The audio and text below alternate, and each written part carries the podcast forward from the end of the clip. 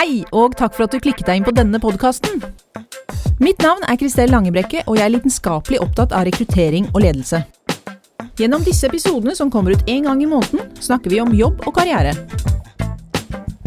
Du vil få et innblikk i hva som kreves for å være en god leder, du vil bli med i interessante diskusjoner om dilemmaer i arbeidslivet, og lytte til inspirerende gjester. Dette er rått og ekte, helt uten filter, og sammen med Hilde Lekven skal vi gi deg en god lytteropplevelse. Hei og velkommen til podkastserien Uten filter. I dag skal vi snakke om fantastiske arbeidsplasser og hva som kjennetegner de beste. Så hva kjennetegner egentlig en fantastisk arbeidsplass? Hilde, du og jeg har jo jobbet i et selskap som har vært på toppen av denne listen flere ganger. Ja, eh, vi vet jo at et eh, godt arbeidsmiljø og fornøyde ansatte skaper bedre resultater. Det er jo en no-brainer. Eh, utfordringen er jo hvordan får vi det til? Eh, og Vi har jo prøvd å jobbe systematisk med dette i, i mange år, Kristel, og det er jo et tema som er kjempeviktig for oss. Um, så Derfor så gleder jeg meg til å diskutere med dagens gjester og få innspill fra de på, på hvordan vi kan få dette til. Uh, og de er jo mye mer eksperter på temaet enn det vi er. Ja, for det er vel forskjell i hva ansatte vektlegger? Er det et kult kontor med fargerike designmøbler, eller er det en god leder? Frihet til å velge arbeidsoppgaver, hjemmekontor og fleksitid? Ja, så jeg må bare si at jeg fikk jo en liten aha-opplevelse her om dagen, Hilde. Da du, eh, for du har jo lært meg det at det, å komme på jobb skal nesten være som å komme hjem. Eh, så der, jeg, der har jeg ikke fulgt med helt i timen. Ja, for de, for de, av oss som er for mye på jobb, så må, så må det være som hjemme. Men ja, altså jeg tenker at arbeidsplassen skal, skal gi energi. Um, den skal være litt kul. Um, de ansatte skal kjenne på stolthet når de kommer på jobb, og på stolthet når de inviterer med seg gjester inn på kontoret. Og så er det en ting som jeg har lyst til å ta opp med deg, da, Kristel. fordi at det skal jo også være muligheter for energipåfyll til alle døgnets tider. Og når du begynte med de der sparetiltakene dine, og uh, tømte kjøleskapet for yoghurt og cottage cheese som uh, holdt meg gående etter klokken seks i alle fall, så, så blir det litt tristere. Så vi trenger jo litt påfyll av energi. og jeg tror jo det betaler seg for selskaper som, eh, som gir dette til de ansatte. Da, og at det, Kosten er utrolig liten i, i, forhold til hva man får igjen. Så på, ja, og på dette området her så tror jeg at jeg skal rotte meg sammen med dine ansatte, som sikkert er like misfornøyde med meg som dette. Og så skal vi lage en kampanje for å få tilbake cottage-cheesen. Yes. Nei, men fra spøk til alvor. Det er nok, eh, det er nok ikke firmahytte, snacks i kjøleskapet og kake på fredager som avgjør eh, om vi har fantastiske arbeidsplasser. Jeg tror at faktorer som har med selve arbeidet å gjøre, um, er superviktig. Og da tenker jeg på at de ansatte har autonomi, altså selvbestemmelse, at de har utfordrende oppgaver, at de får tilbakemelding for å være med og sette mål selv, at de har muligheter for utvikling. Og så ikke minst så det med å gjøre en forskjell. Jeg opplever at det blir mer og mer viktig for, for dagens arbeid, arbeidstakere. Yes, og For å få mer innsikt i dette i dag, så har vi invitert to gjester hit i podrommet. En av de sitter på innsiden i selskapet som ble kåret til Norges beste arbeidsplass i 2018. Og vår andre gjest jobber med å få selskaper til å bli blant de beste i Norge. Gjestene vi har med oss er Head of Culture and Development i Soprasteria, Anders Palerud, og partner og eier i Great Place to Work, Trond Kleivane. Velkommen til dere to. Takk skal du ha. Takk for det. Anders, jeg har lyst til å begynne med deg. Jeg. Eh, du jobber jo altså i Soprasteria, som er Norges største IT-konsulentselskap med over 1600 ansatte. Og nå har dere altså blitt kåret til Norges beste arbeidsplass for tredje år på rad. Det er jo helt fantastisk. Gratulerer. Tusen takk. Så fortell, hva, hva er det som eh, gjør Soprasteria til Norges beste arbeidsplass? Det er jo for det første Norges uh, råeste kontorutsikt.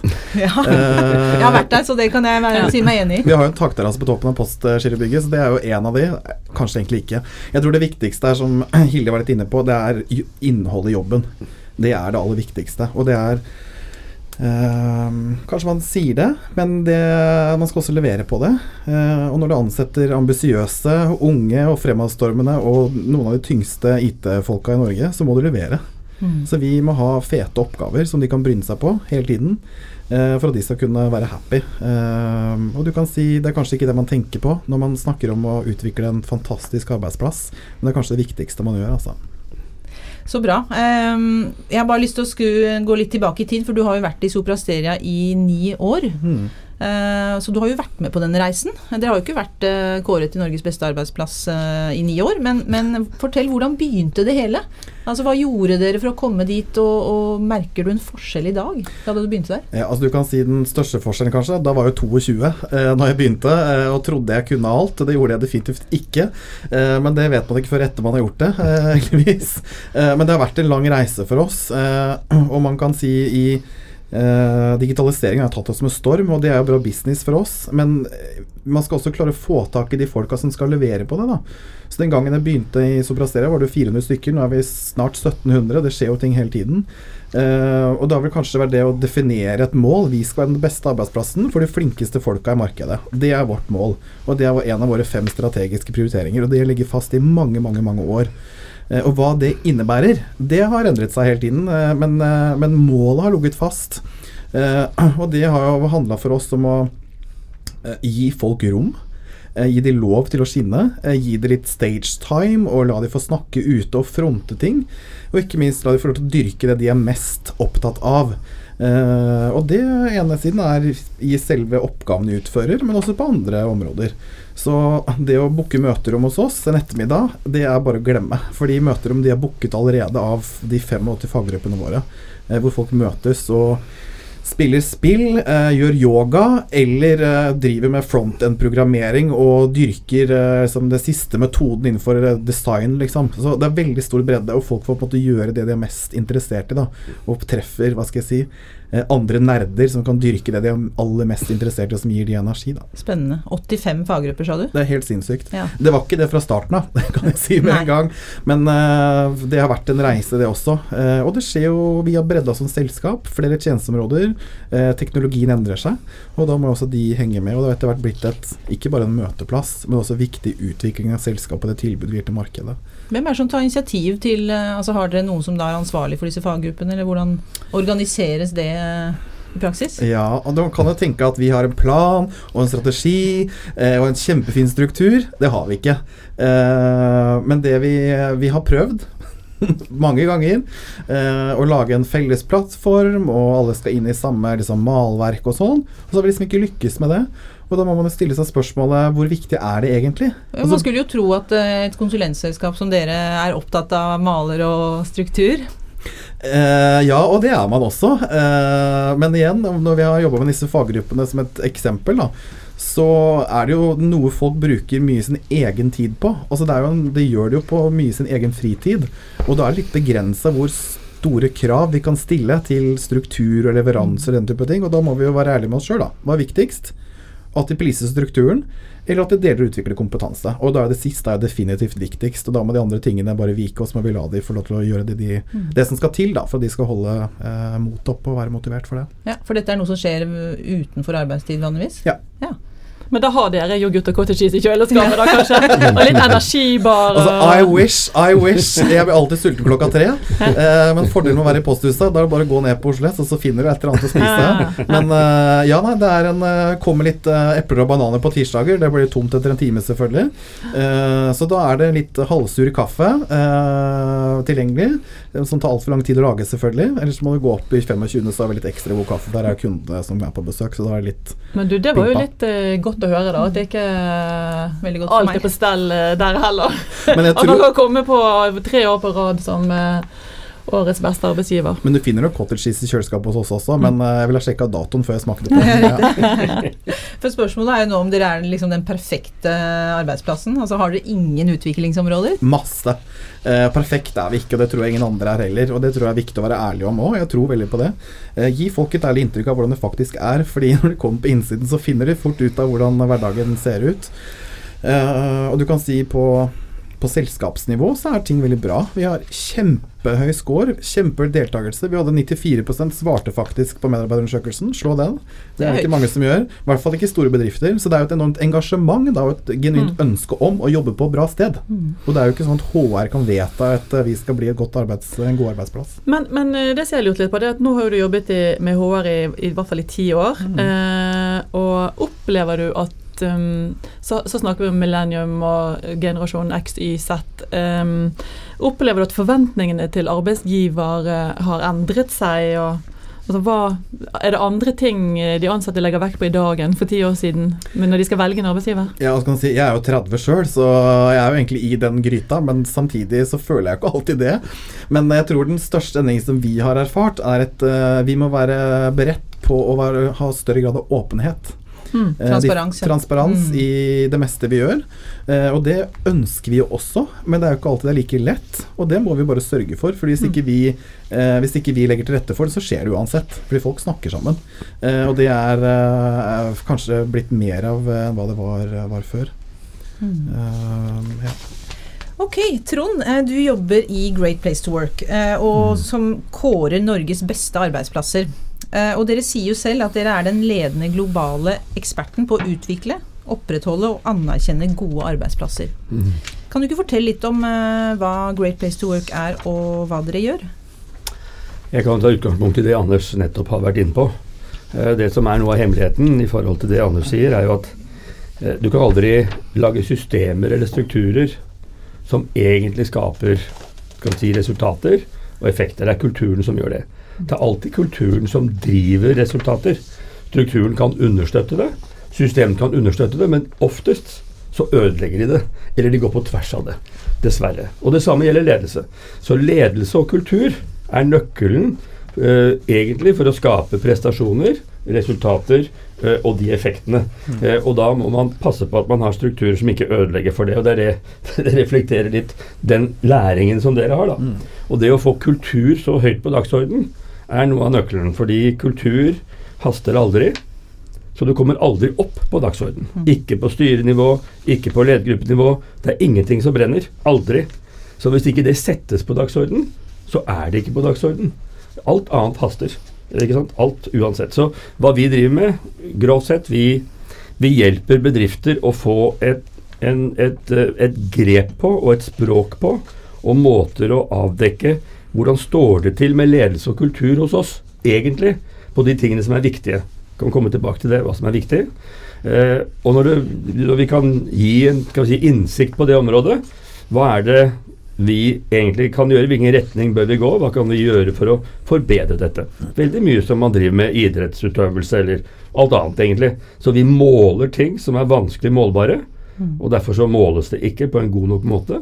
Og vi putter det legger det frem og skaper innsikt eh, som gir det mening eh, for ledere og bedrifter.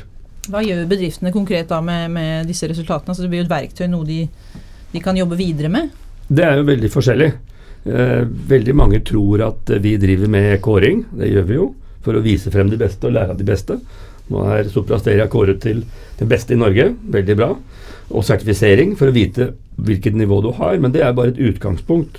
Det viktigste for de som virkelig vil skape resultater og gode effekter, er jo hvordan de utvikler seg med dette. Altså hva kan de bruke dette til, og hvordan kan de få eh, kultur opp og ledelse, eh, tillitsbasert ledelse da, som vi kaller det, opp på dagsorden, slik at det eh, hjelper dem å nå mål. Mm.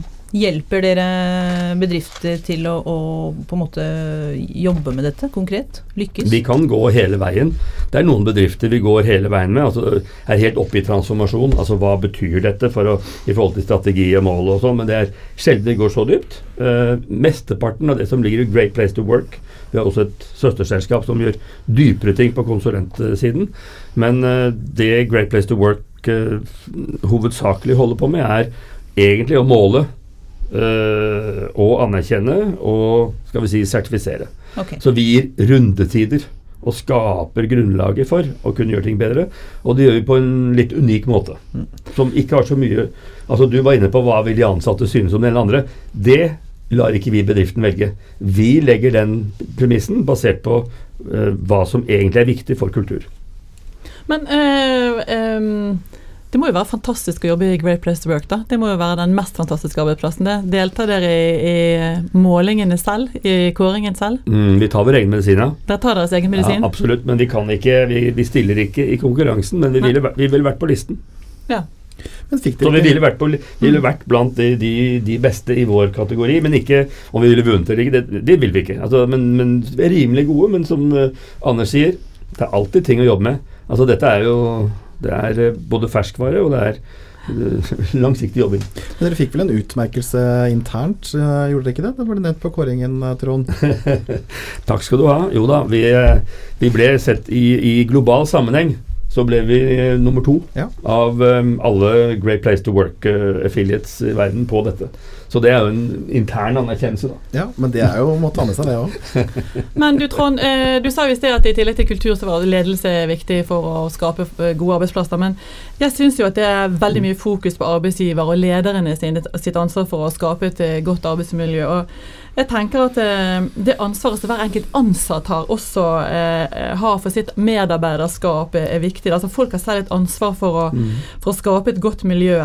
Og ehm, Jeg vil faktisk berømme Arbeidstilsynet da, av alle organer for å ha laget en liste på ti punkter over hvordan arbeidstaker eh, kan bidra til å skape et godt arbeidsmiljø.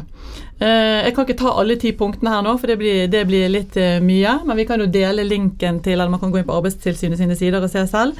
Eller vi kan dele linken på hjemmesidene våre. Men eh, jeg har lyst til å bare ta fire ting. Um, og det er jo at man må være bevisst på sin egen påvirkningskraft. Altså Alle kan påvirke sitt eget arbeidsmiljø. Man kan ikke bare legge det ansvaret over eh, på lederne. Uh, nummer to, eh, si fra til lederen din dersom det er noe i arbeidsmiljøet som ikke er bra. Så, som leder gjennom mange mange år så har jeg sagt så mange ganger at jeg kan ikke lese tankene til folk. Så hvis folk ikke er fornøyd, eh, så må de faktisk si det og ta initiativ selv til forbedringer. Eh, det var to. Eh, tre, eh, at man må være raus. Man må eh, på en måte gjøre hverandre gode. Eh, dele kunnskap, dele informasjon, dele tips og råd, sånn som dere gjør i Sofraseria, Anders. Som eh, tror jeg er kjempeviktig. Men det er jo også et ansvar som de ansatte må ta. Man kan ikke legge det på bedriften eller eh, lederen. Og så I tillegg til dette med raushet, så er dette med å være inkluderende og snakke pent om hverandre og snakke hverandre opp og snakke med folk og ikke om folk. altså Skape den gode fellesskapsfølelsen Så dere også måler i den unders mm. undersøkelsen. Det å um, skape den vi-følelsen. Og det er jo også noe som uh, som de ansatte um, har et stort ansvar for, tenker jeg. Men så lurer jeg på én ting, da. Fordi at um, i disse undersøkelsene så har jeg sett Det virker som at der hvor de ansatte skal score de områdene de har påvirkning på selv, så scorer selskapet alltid litt bedre på det enn på det området som ligger på bedriften eller organisasjonen sitt ansvar. Stemmer det? Eller skårer, scorer de ansatte seg opp? Mm, ja, det, det stemmer, men bare det du kom med der av disse eksemplene, Ja. det er jo eksempler på tillitskultur og tillitsledelse. Det ligger i det implisitt. Mm. Og en kultur påvirkes jo alt som skjer. Mm. Ledelsen har my mye mer ansvar, men alle medarbeidere har ansvar for den. For det er det vi faktisk gjør. Ja. Så det er egentlig, Og det vi måler, er relasjonene i dette. Mm. Når vi måler ting. Og som du sier, når vi måler, så ser vi helt tydelig at det er, um, det er en forskjell. Uh, ofte, i hvert fall hvis bedriften er I hvert fall i virksomheter som ikke er så gode, for å si det sånn. Ja. Når vi kommer på nivå med Sopra Steria, så har de klart å utvikle ledelse som løfter alt, og er bevisst på ledelsessiden. Mm. Uh, den bevisstheten mangler ofte i bedrifter som er mindre gode. Det Ja. er systemer. Og da er mye av dette som holder bedriften oppe, er ting som er medarbeiderdrevet til tross for ledelse. Altså Mm. fellesskap, relasjoner som går på hvordan vi er med hverandre og gjør ting til Mm. tross for ledelsen. Mm. Hvilket forhold har vi til meningen med det vi gjør? Eh, stolthetsdimensjonen i- til tross for, til tross for ledelsen. Mm. Eh, mens det å, det å legge til rette med ledelse som går mer på troverdighet og den type ting, eh, respekt, rettferdighet, ting som er nødvendig for å bygge tillit, eh, og hvor ledelsen enten er bevisst eller ikke bevisst, den ligger mye lavere i virksomheter som da er gjennomsnittlige. Det er veldig stor forskjell på virksomheter i Norge. Ekstremt store Mm. forskjeller. De forskjellene slår rett ut på produktivitet Mm. globalt, Mm. eller altså nasjonalt, men selvfølgelig også som resultater. Så, ja, så jeg følger deg på det. Ja, Men det, jo- Medarbeiderskap, Ja. inkludering, men det er en del av hvordan du må jobbe når du, når du skal vi si, myndiggjørende og Mm. selvledet. Ja, for det er det eh, jeg opplever jeg jo eh, gjennom mange år at Mm. eh, du kan ha så utrolig god leder du har i en virksomhet eller i en avdeling hvis de ansatte ikke spiller med, hvis ikke de vil. Sant? Men det vil jeg si, da gjør lederen noe ekstremt feil. Mm. Da er ikke lederen så god som du sier. Nei, okay. Det er en unnskyldning. Dårlig ledelse, vil jeg si det er. Det er Ja. veldig, folk er veldig like. De Mm. fleste vil ønsker å gjøre en god jobb. Mm. Veldig få som ikke ønsker å gjøre en god jobb. Veldig, veldig få. Eh, det er ikke alltid vi gjør det, for vi har ikke tid, og det er press og sånn, men det er veldig, veldig sjelden. Så når, når, når det ikke virker, Så Så tenker du det er lederen sitt ansvar le, le, lederen sitter med et kjempeansvar for det, Mm. for å rydde i det. Men det betyr ikke at ikke medarbeiderne er med og påvirker, og Mm. egentlig skal være eksplisitt i hvordan de ønsker å ha det. Så Mm. det Ja. Hva gjør de beste lederne, da? Hva er det som kjennetegner de beste? De er gode til å lytte. Det er viktig. Lytte. De er gode til å skjønne at kultur er viktigere å få fokus på enn resultater. Resultatene kommer som følge av kultur. Veldig mange er fanget i KPI-er fordi det er det de kan måle, de måler. Og for å si det sånn, det er ikke arbeidsmiljø, bare ta deg på den. Du er Mm. veldig opptatt av arbeidsmiljø. Det er en liten del av kultur. Mm. Altså, Det viktige er samhandling. Mm. Effektiv samhandling. Uansett organisering. Hvordan får du til det? Mm. Og det er kultur. Så kultur er mye mer og mye mer kraftfullt enn arbeidsmiljø. Bare for Så å du- liksom ja, det- arrestere deg litt på det. Ja. sier Ikke altså- arrestere deg, men altså ja. Så du sier at det er en direkte sammenheng mellom god kultur og gode bunnlinjeresultater? Selvfølgelig. Vi har, vi har mye forskning på det, Mm. og alle som har jobbet ordentlig med dette, vet det. Men likevel så opptrer vi ikke som om vi vet det. Mm. Og mye av grunnen til det er at vi ikke har en måte å se dette like klart på som alle de tingene vi måler, og som tar plass i ledergrupper og i styrer. Men er det noe forskjell på topp- og mellomledernivå? Oh yes. Ja, Det er det. Det er jeg veldig interessert i. Eh, og det tror jeg på mange måter det er en vanskelig jobb å være mellomleder. Det er krevende. Eh, og jeg tror uh, kanskje det viktigste der er å få de lederne altså Desto lengre ned i organisasjonen de er, desto viktigere er det at de er trygge på, føler rom for, og at de er i stand til å kunne oversette budskapene fra toppen. For du kan ikke sende ufiltrert budskap fra topp og rett ned til laveste nivå. Altså. Det har vi prøvd, det anbefales ikke. Eh, det er en tid for alt. Det er ikke, den regelen gjelder ikke alltid, men eh, som, desto mer sensitivt det er, desto viktigere tenker jeg at det er skreddersydd så langt man kan. Det er ikke alltid det passer seg det heller, men det vil være min sterke anmodning, i hvert fall. Eh, Jeg følger deg på den. Eh, men du, du er jo, altså din rolle det ligger jo altså Head of Culture and Development. Du jobber jo med kultur, da, regner jeg med. Fortell, hva, hva er eh, liksom eh, Hva gjør du? Ja, hva vi gjør. Altså denne, jeg er fersk i denne rollen, men det ligger jo mitt hjerte veldig nært. Altså Jeg elsker Soprasteria. Det har jeg jobba med i så mange år. Eh, og det som jeg kanskje setter aller mest pris på, det er en veldig lagfølelse. Sånn, vi kommer fra et sted vi var eh, små, ubetydelige, ingen visste hvem vi var. Eh, vårt største mål var å slå Kapp og Accenture. Og nå gjør vi det hele tiden. Og det gir en enorm kraft sant, i organisasjonen, og det har vi fortsatt i oss, fordi vi lever i en verden hvor vi fortsatt tenker på oss sjøl som en utfordrer. Men, eh, og det tenker jeg er bra, men det gir også en, en, en kraft blant medarbeiderne. Jeg tenkte fader, dette skal vi få til. Eh, og med en visshet om at vi er faktisk nødt til å jobbe sammen for å få til det. Og da, trekker, og da bygger man eh, Da bygger du lag, da gjennom den mentaliteten om at eh, i, vissheten om da, at man er faktisk avhengig av hverandre. Fordi det, finnes ingen sånn ting som en IT-ekspert. Eh, de er det veldig mange forskjellige typer av. Sant? Eh, og de trenger hverandre alle sammen. Sammen er vi sterkere. Veldig. Mm. Jeg og Hilde har jo også vært med på en reise hvor vi satte oss som mål å slå uh, markedslederen, og det, det klarte jo. Det var jo en ekstremt uh, Mm. kraft det det førte med seg. Det var utrolig Men nå eh, har jo vi satt oss det målet på nytt igjen, da. og vi har klart det en gang, så klarer vi det en gang til. Det er noe helt sikkert. Men kan jeg få lov å utfordre litt mer i forhold til dette med kåringen av årets beste arbeidsplasser? Fordi um, Mm. Det handler vel, for å være helt ærlig, om, om tre ting for bedriftene som er med der. Da. Det handler vel om merkevarebygging, eh, om å tiltrekke seg de beste folkene, og for å skape de beste mulige resultatene mm, for bedriften. Og så tenker jeg at det er et paradoks at de bedriftene som stadig kåres til de mest attraktive arbeidsplassene, hvor folk ønsker å jobbe, ikke deltar i samme grad i disse kåringene av de beste arbeidsplassene. Så hva er forskjellen mellom attraktive arbeidsplasser og fantastiske arbeidsplasser? For det er, mange, det er to ulike kåringer eh, her. Hva er forskjellen mellom disse selskapene, Trond? Mm, Den er ganske stor. Altså Hvis du snakker om de attraktive, så ser du på bedriften utenfra. Det er veldig mye fasaden, hvordan det virker, hvordan du tror, eh, fra utsiden dette kan være på innsiden. Og da kan mange pusse sine rustninger, og de kan gjøre seg interessant på mange måter. Og det er jo greit nok. Men det er ikke sikkert det er slik når du kommer inn i disse stedene. Og vi er jo mye mer opptatt av substansen, da, for å være litt uh, konkret på det. Vi er opptatt av at de bedriftene vi skal kåre, at de uh, representerer en kultur uh, hvor det er godt å være. Eh, altså hvor medarbeiderne opplever det godt å være, og som også da skaper resultater. Slik at det går mye mer på eh, den innside ut-perspektivet, og det er jo det som er virkeligheten, enn den observasjonen fra utsiden. Så det er ganske, ganske forskjellig både perspektiv og bruksområde. Jeg sier ikke at det ikke er nyttig å liksom eh, ha skjønnhetskonkurranser, men det er noe annet.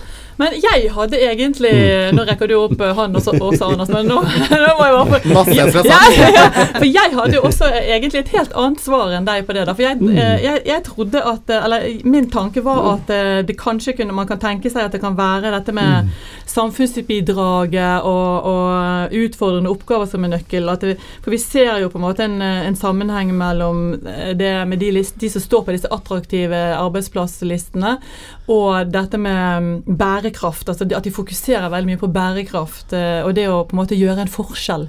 Så jeg tenkte at det, de oppgavene de fikk der eh, som ga så mye mening, at det på en måte gjorde bedriften veldig attraktiv. Da vil jeg bare være, for å være litt stygg, så er det jo hvilken pynt bruker vi nå, da? For at vi skal liksom skinne best mulig. Jeg er mest grønn, du er mest grønn. Altså, det er jo konkurranse i utvendighet, eh, og det er ikke alltid representativt ja, for det virkelige. Så, så jeg, jeg, tror det er litt sånn retninger, så det, det, det, er greit, det. Men det er mer interessant å vite hva skjer på innsiden. Men jeg tenker jo at bærekraft ikke nødvendigvis bare har med å være grønn å gjøre. Det kan jo handle om likestilling, inkludering, mangfold ja. og mange av de tingene. Men nå var det Anders som har drukket hånden opp veldig lenge. Mange ting, det er ja. mange ting man kan si om det kommunikasjonsavdelingen som ikke nødvendigvis er slik på innsiden. Nei.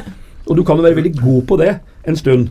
Men det er klart at dess mer transparent, dess mer gjennomsiktighet, så mm. blir disse tingene likere. Men er, mm. du kan faktisk kjøre ganske mye fasadeløp. Mm. Uh, altså, vi er jo også veldig opptatt av å være mm. attraktive, og er jo, vi er jo ikke så høyt på den lista som vi er på lista til Great Place to Work, og det irriterer oss så grønn, apropos. Ja. Men jeg tror det, hvis man ser på den listen, så er det veldig mange selskap med veldig sterke brands. Sant? Ja. Når vi ser på disse, ok, det er Telenor, Google, DNB altså De er store, kjente og veldig høy brand awareness. Ja, Men mange offentlige også?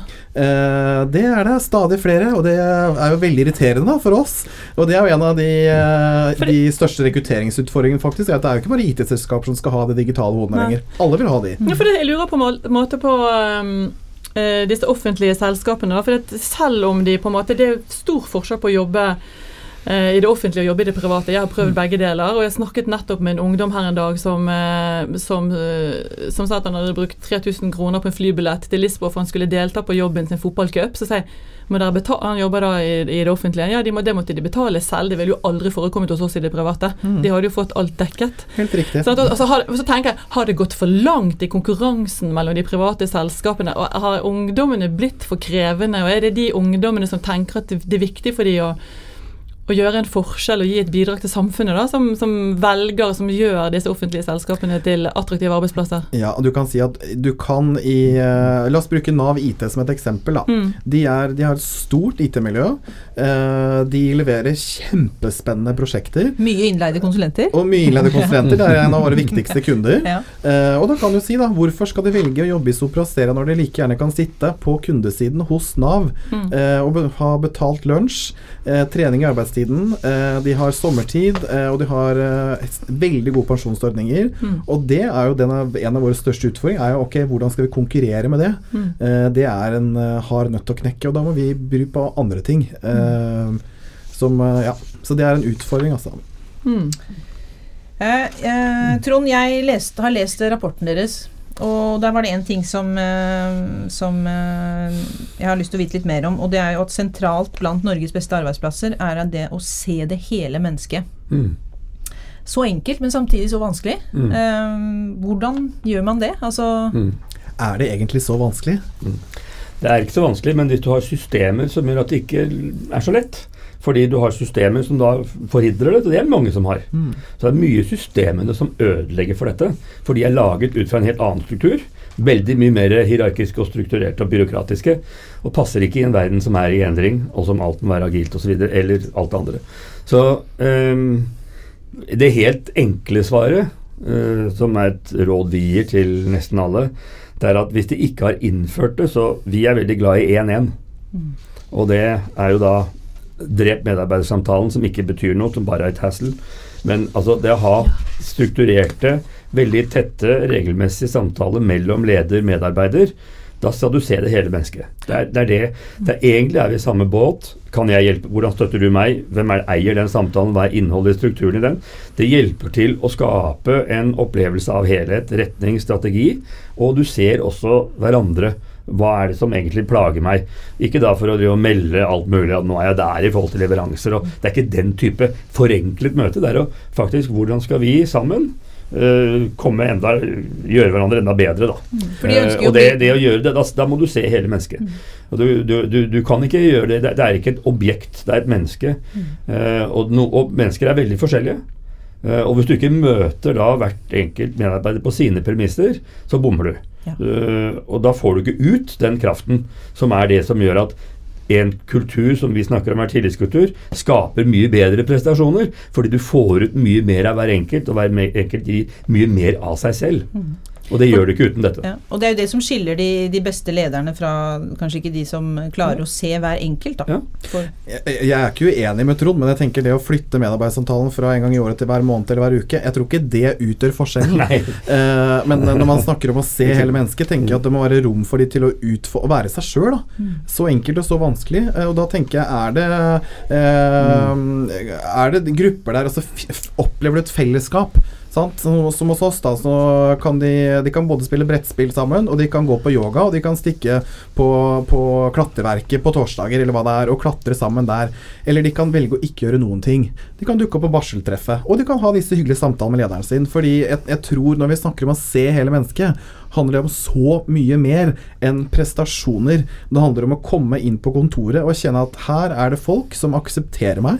Eh, og som spør og ikke spør om de riktige tingene, eh, og som tar meg for den jeg er. da Og der tror jeg at vi har lykkes eh, veldig godt hos oss. Vi er ikke perfekte, vi heller, men det tror jeg har vært mye gjennom rekruttering også, som er kanskje vår viktigste eh, måte å utvikle organisasjonen på. Sant? Vi eh, vokste med 23 i, i antall ansatte i fjor. Eh, og da har det stor betydning hva slags profiler du ansetter. Og når de kommer inn og ser eh, hva vi gjør for å, hva skal jeg si, på, for å øke kvinneandelen og for å for å bidra til mer aksept for eh, homofile, lesbiske og transpersoner og, og liksom ulike typer grupper, det sender signaler. Eh, og det ser folk, og det betyr enormt mye, tror jeg, da. Men man snakker ikke så mye om det. Men det er jo minoriteten her man snakker om i den dimensjonen der, da. Eh, ja. Men du, jeg må bare et, eh, jeg, jeg trenger et svar. Jeg trenger, et svar på dette med medarbeidersamtaler. Det er bare det konkrete med medarbeidersamtaler. For at jeg har følt, følt meg jaget av HR-sjefer i alle år fordi jeg aldri har klart å gjennomføre de medarbeidersamtalene med folkene mine når jeg skulle, og ikke fulgt inn skjemaene på rett måte eller noen ting. Så jeg har fått mye pepper for det. Um, så jeg har egentlig sagt vi bare legger ned de medarbeidersamtalene. Men hva men vi har jo aldri hatt det, Hilde. Nei, men vi snakker jo sammen hele tiden. Hvorfor trenger vi å Ja, det er dokumentere det? det er jo litt, men så var, kan jeg da med god samvittighet Jeg trenger ikke ha medarbeidersamtale. Eller hva, gi ledere nå et svar på hva vi skal gjøre med medarbeidersamtalen. Og da bør man som en eh, fremsynt eh, HR-medarbeider si drit i hele greia. Eh, men det har jo noen forutsetninger, og jeg tror at eh, veldig mange snakker om at det skal være kontinuerlig dialog, du skal ha hyppige samtaler, la oss gå en tur, stikke på kaffebrenneriet, ta en kaffe. Men da må du gjøre det, da. Ja. Du kan ikke bare si du skal gjøre det, du må gjøre det. Eh, og så tror jeg også at eh, jeg vet noen eh, bedrifter har hatt litt sånn andre måter å gjøre det på. Så det er sånn tre spørsmål på et kvarter, eller hva det er for noe. Jeg tror det var BDO jeg, som eh, gjorde det. Som kan være verdt å sjekke ut. Men det er veldig sånn enkelt rammeverk. eh, for jeg tror det er ikke alle ledere som er like gode på smalltalk. Eh, og når du tar bort det der her, eh, hva skal jeg si, medarbeidersamtale-hjelpemiddelet, er ikke alle som er like gode, altså. Og da må vi også være i stand til å hjelpe de. Ja. Så sånne som Hilde, som jeg føler meg ganske trygg på hadde håndtert det ganske bra. Fint, kjør på. Men for de som ikke er som henne, så trenger de kanskje hjelp, og da må vi være i stand til å bistå de også. Men uh, de strukturene de hjelper ingen. Det bidrar bare til rapportering. Og det kan være nyttig, det også. Men man må igjen stille seg spørsmålet hva er viktigst? Mm. Nei, altså for, for rapporteringens skyld, det er ikke det som er poenget med disse samtalene i det hele tatt. Og hva bruker vi Det er faktisk relasjonelle. Mm. Det, er det eneste som teller her, det er kraften i relasjoner. Det er det som gjør at folk går både ekstra mil, blir sett og leverer i alle sammenhenger. Så det er det å se hverandre hyppig nok, også for at du som leder blir sett i forhold til dine ting, og at man da kan justere ting, og da det hele mennesket. Så det er, det er ikke bare ikke, altså kaffe, men det er, det er litt struktur. Litt tanke rundt eh, det hele, men det er, altså, det er ikke poenget å dokumentere, bevise at du har gjort det, sjekke det ut. Eh, hvis du ikke kommer til det punktet hvor du ser nytteverdien av det, og du opplever det som leder, og du opplever det som medarbeider, for du ser at dette gjør oss i stand til å komme bedre, så har du bomma. Eh, og der må jeg jo bare si at eh, jeg og Hilde vi sitter jo på samme kontor, men jeg ser henne ikke så ofte. Og av og til så ringer hun meg og tenker ok, nå er det et eller annet. Men nei, bare lenge siden jeg har snakket med deg, Chris. Jeg skal bare høre hvordan det går med deg. Det er utrolig kult. Mm. Mm. Og det er lov å gjøre hele tiden. Ja, Lyt, absolutt. lytte og se hverandre. Ja. Og det er gratis. Ja. Ikke sant? Mm. Eh, yes, jeg har jo um, Det var noen ting jeg um, har lyst til å snakke om i, fra denne rapporten deres, og bl.a. Um, en forskningsartikkel om uh, prestasjonsklima. Mm. Som uh, jeg skjønte i stor grad dreier seg om kunnskapsdeling. Mm. Um, fortell. Hva, hva er det som kjennetegner uh, de som lykkes med dette? Nei, altså Veldig mye av den verden Bare for å si det Mm. vi, er jo på vei inn i en verden som er litt annerledes enn den var før. Den beveger seg mye fortere. Eh, Digitaliseringen gjør at ingen er egentlig fanget i sin oppgave. Du velger selv din attention, altså din oppmerksomhet. Er det, er det ut mot hytta og fotballkampen og det som skjer, eller er det inn mot jobben? Du vet faktisk ikke hva folk driver med. Så det er ikke lenger vegger i dette. Samtidig så er enkeltindivider mye viktigere i alle sammenhenger. Det er ikke sånn at sjefen egentlig vet best. Han vet faktisk dårligst på det meste. Så det er alle andre vet mer på de områdene de holder på. Hm, ok. Og når det samtidig endrer seg hele tiden, hva betyr alt dette i forhold til for at, for at det skal virke? Og da, da er vi i en, skal vi si, en kunnskapsøkonomi.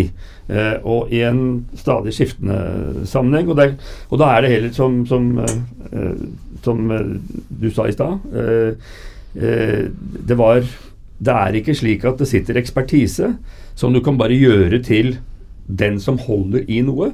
Det er alltid samhandling. Så du kan ikke samhandle uten å dele.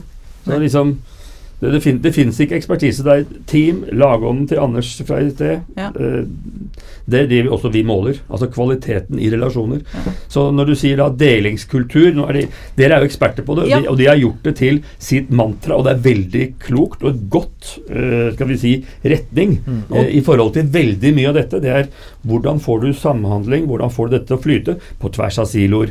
På tvers av kunder ute, på tvers av avstander. Eh, altså internt og eksternt og i forskjellige nivåer. Hvordan får du dette til å flyte, så får du mye mer ut av det. For dere er jo et glimrende eksempel. altså Nå vet jeg jo ikke hva, hva som skjer på innsiden, men eh, jeg har, følger dere i sosiale medier, og jeg ser jo dette Power of Sharing. Eh, utrolig kult uh, navn, uh, by the way. Um, fortell, hva, hva har dere gjort da for å legge til rette for deling og best practice? Altså Power sharing var jo et som, som begrep da kom jo fra, fra eieren vår i Frankrike, faktisk. Og det er vel en av de få tingene vi har Yes! Takk! Dette tar vi med glede og bare kjører på og implementerer. Eh, og de har jo lagt det til side for lenge siden, mens vi holder sterkt på det. Fordi vi kjente jo den gangen dette representerer sjela i selskapet vårt. Eh, og det gjør det faktisk. Eh, og hvis du spør noen i Sopraster om hva som er verdiene våre, kommer de mest sannsynlig til å svare power sharing. Og det er jo ikke verdien vår, det er, men det er et mantra og en, en hva skal jeg si, navnet på kulturen, om man kan kalle det. Så veldig sånn personifisert på, med et litt rart navn. Men det, det begynte jo med opprinnelig at vi, vi uh, Når vi var mye mindre, selvfølgelig, 10-15 år siden, eh, hvor man så at ok, vi skal, eh, vi skal eh, dyrke liksom, eh, fagkultur, altså faktisk kultur for å, å jobbe med faget sitt. Eh, og vi trengte også å løfte frem noen faglige spydspisser for å, eh, for å tiltrekke oss andre. Sant? Fordi flinke folk vil jobbe med andre flinke folk, og da må vi vise frem de flinke folka vi, vi har. Eh, så det begynte der, og vi ga de litt tid i ledergruppa, og vi ga de litt budsjett til å kjøpe pizza, øl og du vet, det man trenger for å få IT-folk happy. Eh, og så er det liksom der det på en måte begynte, den strukturen. Og så har det etter hvert kommet masse andre ting som, som eh, Workplace og det digitale. Men det begynte jo som en sånn eh, gi de flinkeste folka rom. Eh, og sørg for at det er de som stiller spørsmålene, som er heltene, og ikke de som gir svarene. Eh, og det har vært viktig for oss. Og lederne må også tørre å spørre. For som Trond sier, lederne våre er ikke de flinkeste folka vi har på, de, på, de, på digitalisering. De er gode, de òg, men det er fagfolka som faktisk kan det. Og da må vi gi de plass, og så må vi heie frem de som tør å stille de dumme spørsmålene, for det er det som tar oss videre. Spennende. Ja, eh, dere snakker jo også i rapporten deres om 'innovation by all'. Eh, Og at en felles innovasjonskultur lønner seg. Mm. Hva Altså hvorfor? Hva, hva Det er, det er jo de samme ting som ligger i grunnen her. Og, men vi har målt mye av dette. Eh, vi har jo målt dette, vi har jo med oss forskere og akademikere da, i mange steder i verden. Så vi sitter med en del tall som er litt spennende, og så bruker vi det noen ganger og viser frem i denne sammenheng. Og da, det, det, det er så enkelt som at innovasjon er ikke noe du kan vedta. Du vedtar aldri å innovere. Det skjer fordi det er rom for det, fordi det er en kultur for det, fordi du føler deg at du egentlig blir lyttet til og har lyst til det, fordi du drives til det. Og da må du ha handlingsrom, følelse, du må få uh, bli sett i det. Du, du, det, altså det er å legge opp, det, Igjen så er det kultur. Hvor mye får du lov å feile? Hvor mye kan du utfordre systemer? Mm. Altså Vi tar offentlig sektor, så er jo de fanget i sine systemer. Enda mer enn i privat bare for, uten å gå i detalj på det. Og da er det veldig vanskelig til og med å lede, for det er systemet som leder. Du har ikke plass til å lede. Du har ikke plass til å innovere. Og sånn er det. Hvor mye er det du har fanget, eller hvor mye er det kulturen egentlig løfter? Så, og dette omsettes da i også innovasjon, og det kan måles. Men, men, jeg lurer på da, Trond, mm. er det egentlig eh, strukturen i offentlig sektor som er problemet? Jeg tror også, eh, og jeg er veldig interessert i offentlig sektor, da, ja, bare som det er sagt, jeg tror mange bruker det som et eh, Kall et gissel eller et skjulested. Fordi det handler jo om å eh, eh, Hvis du kan regelverket, så vet du også hvordan du kan, kan bruke det. Eh, og jeg tenker eh, Det var en av de HR-gutta eh, på BE som hadde veldig godt bilde på det en gang. Sånn, I trafikken, Hvor er det flest ulykker? Lyskryss eller rundkjøringer? Sant? Det, det er stort sett i lyskryssene. Ja. Mm. Det er rødt, gult og grønt. Og når det er grønt eller gult, så da kjører du uansett. Eh, mens i rundkjøring må du bruke sansene dine, og du må føle deg frem. Mm. Eh, men reglene er i utgangspunktet de samme.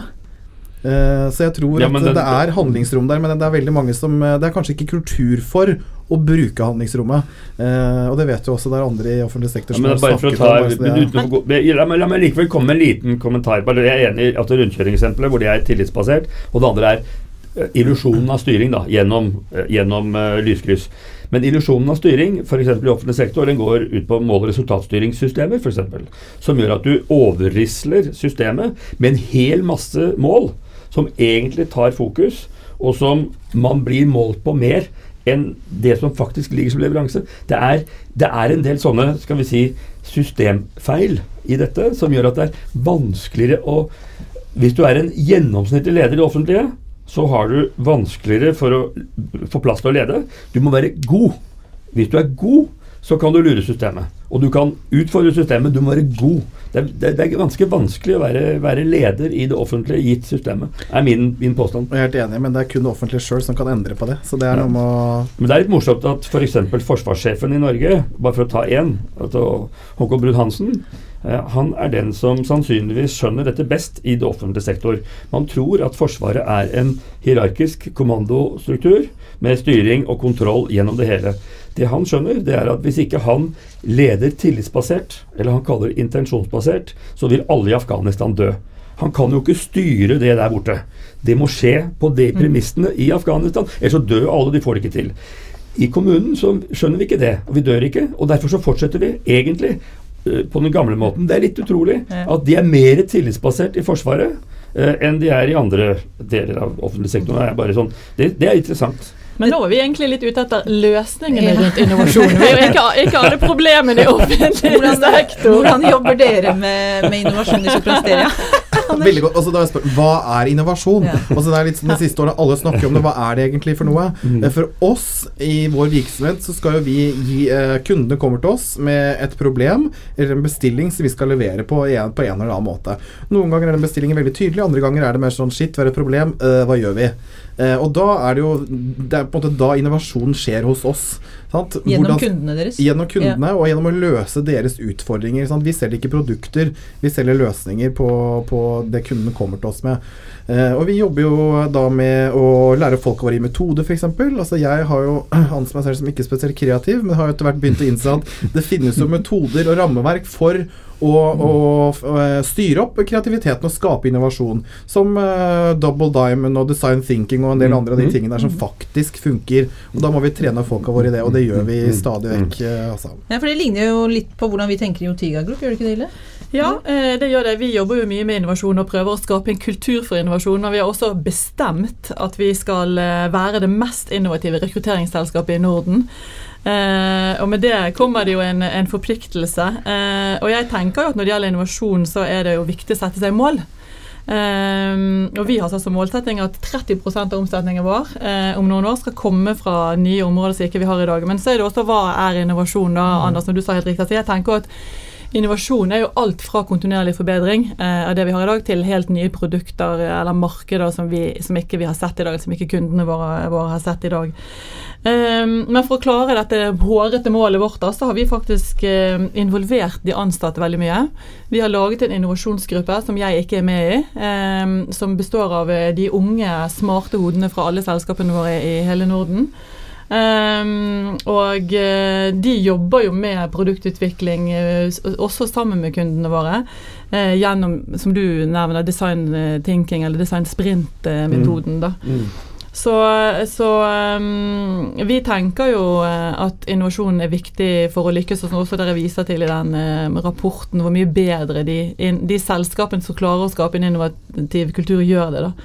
Og så har vi jo også, i tillegg til denne innovasjonsgruppen, tenkt, eller vi vet jo at fremtidens rekruttering er mobil, så vi har jo også investert i et Rectech-selskap som vi eier sammen med bl.a. NTNU Excel, som er en startup fra NTNU, som heter Mojo, hvor all, all rekrutteringen er, digitalt på en eh, mobilapplikasjon.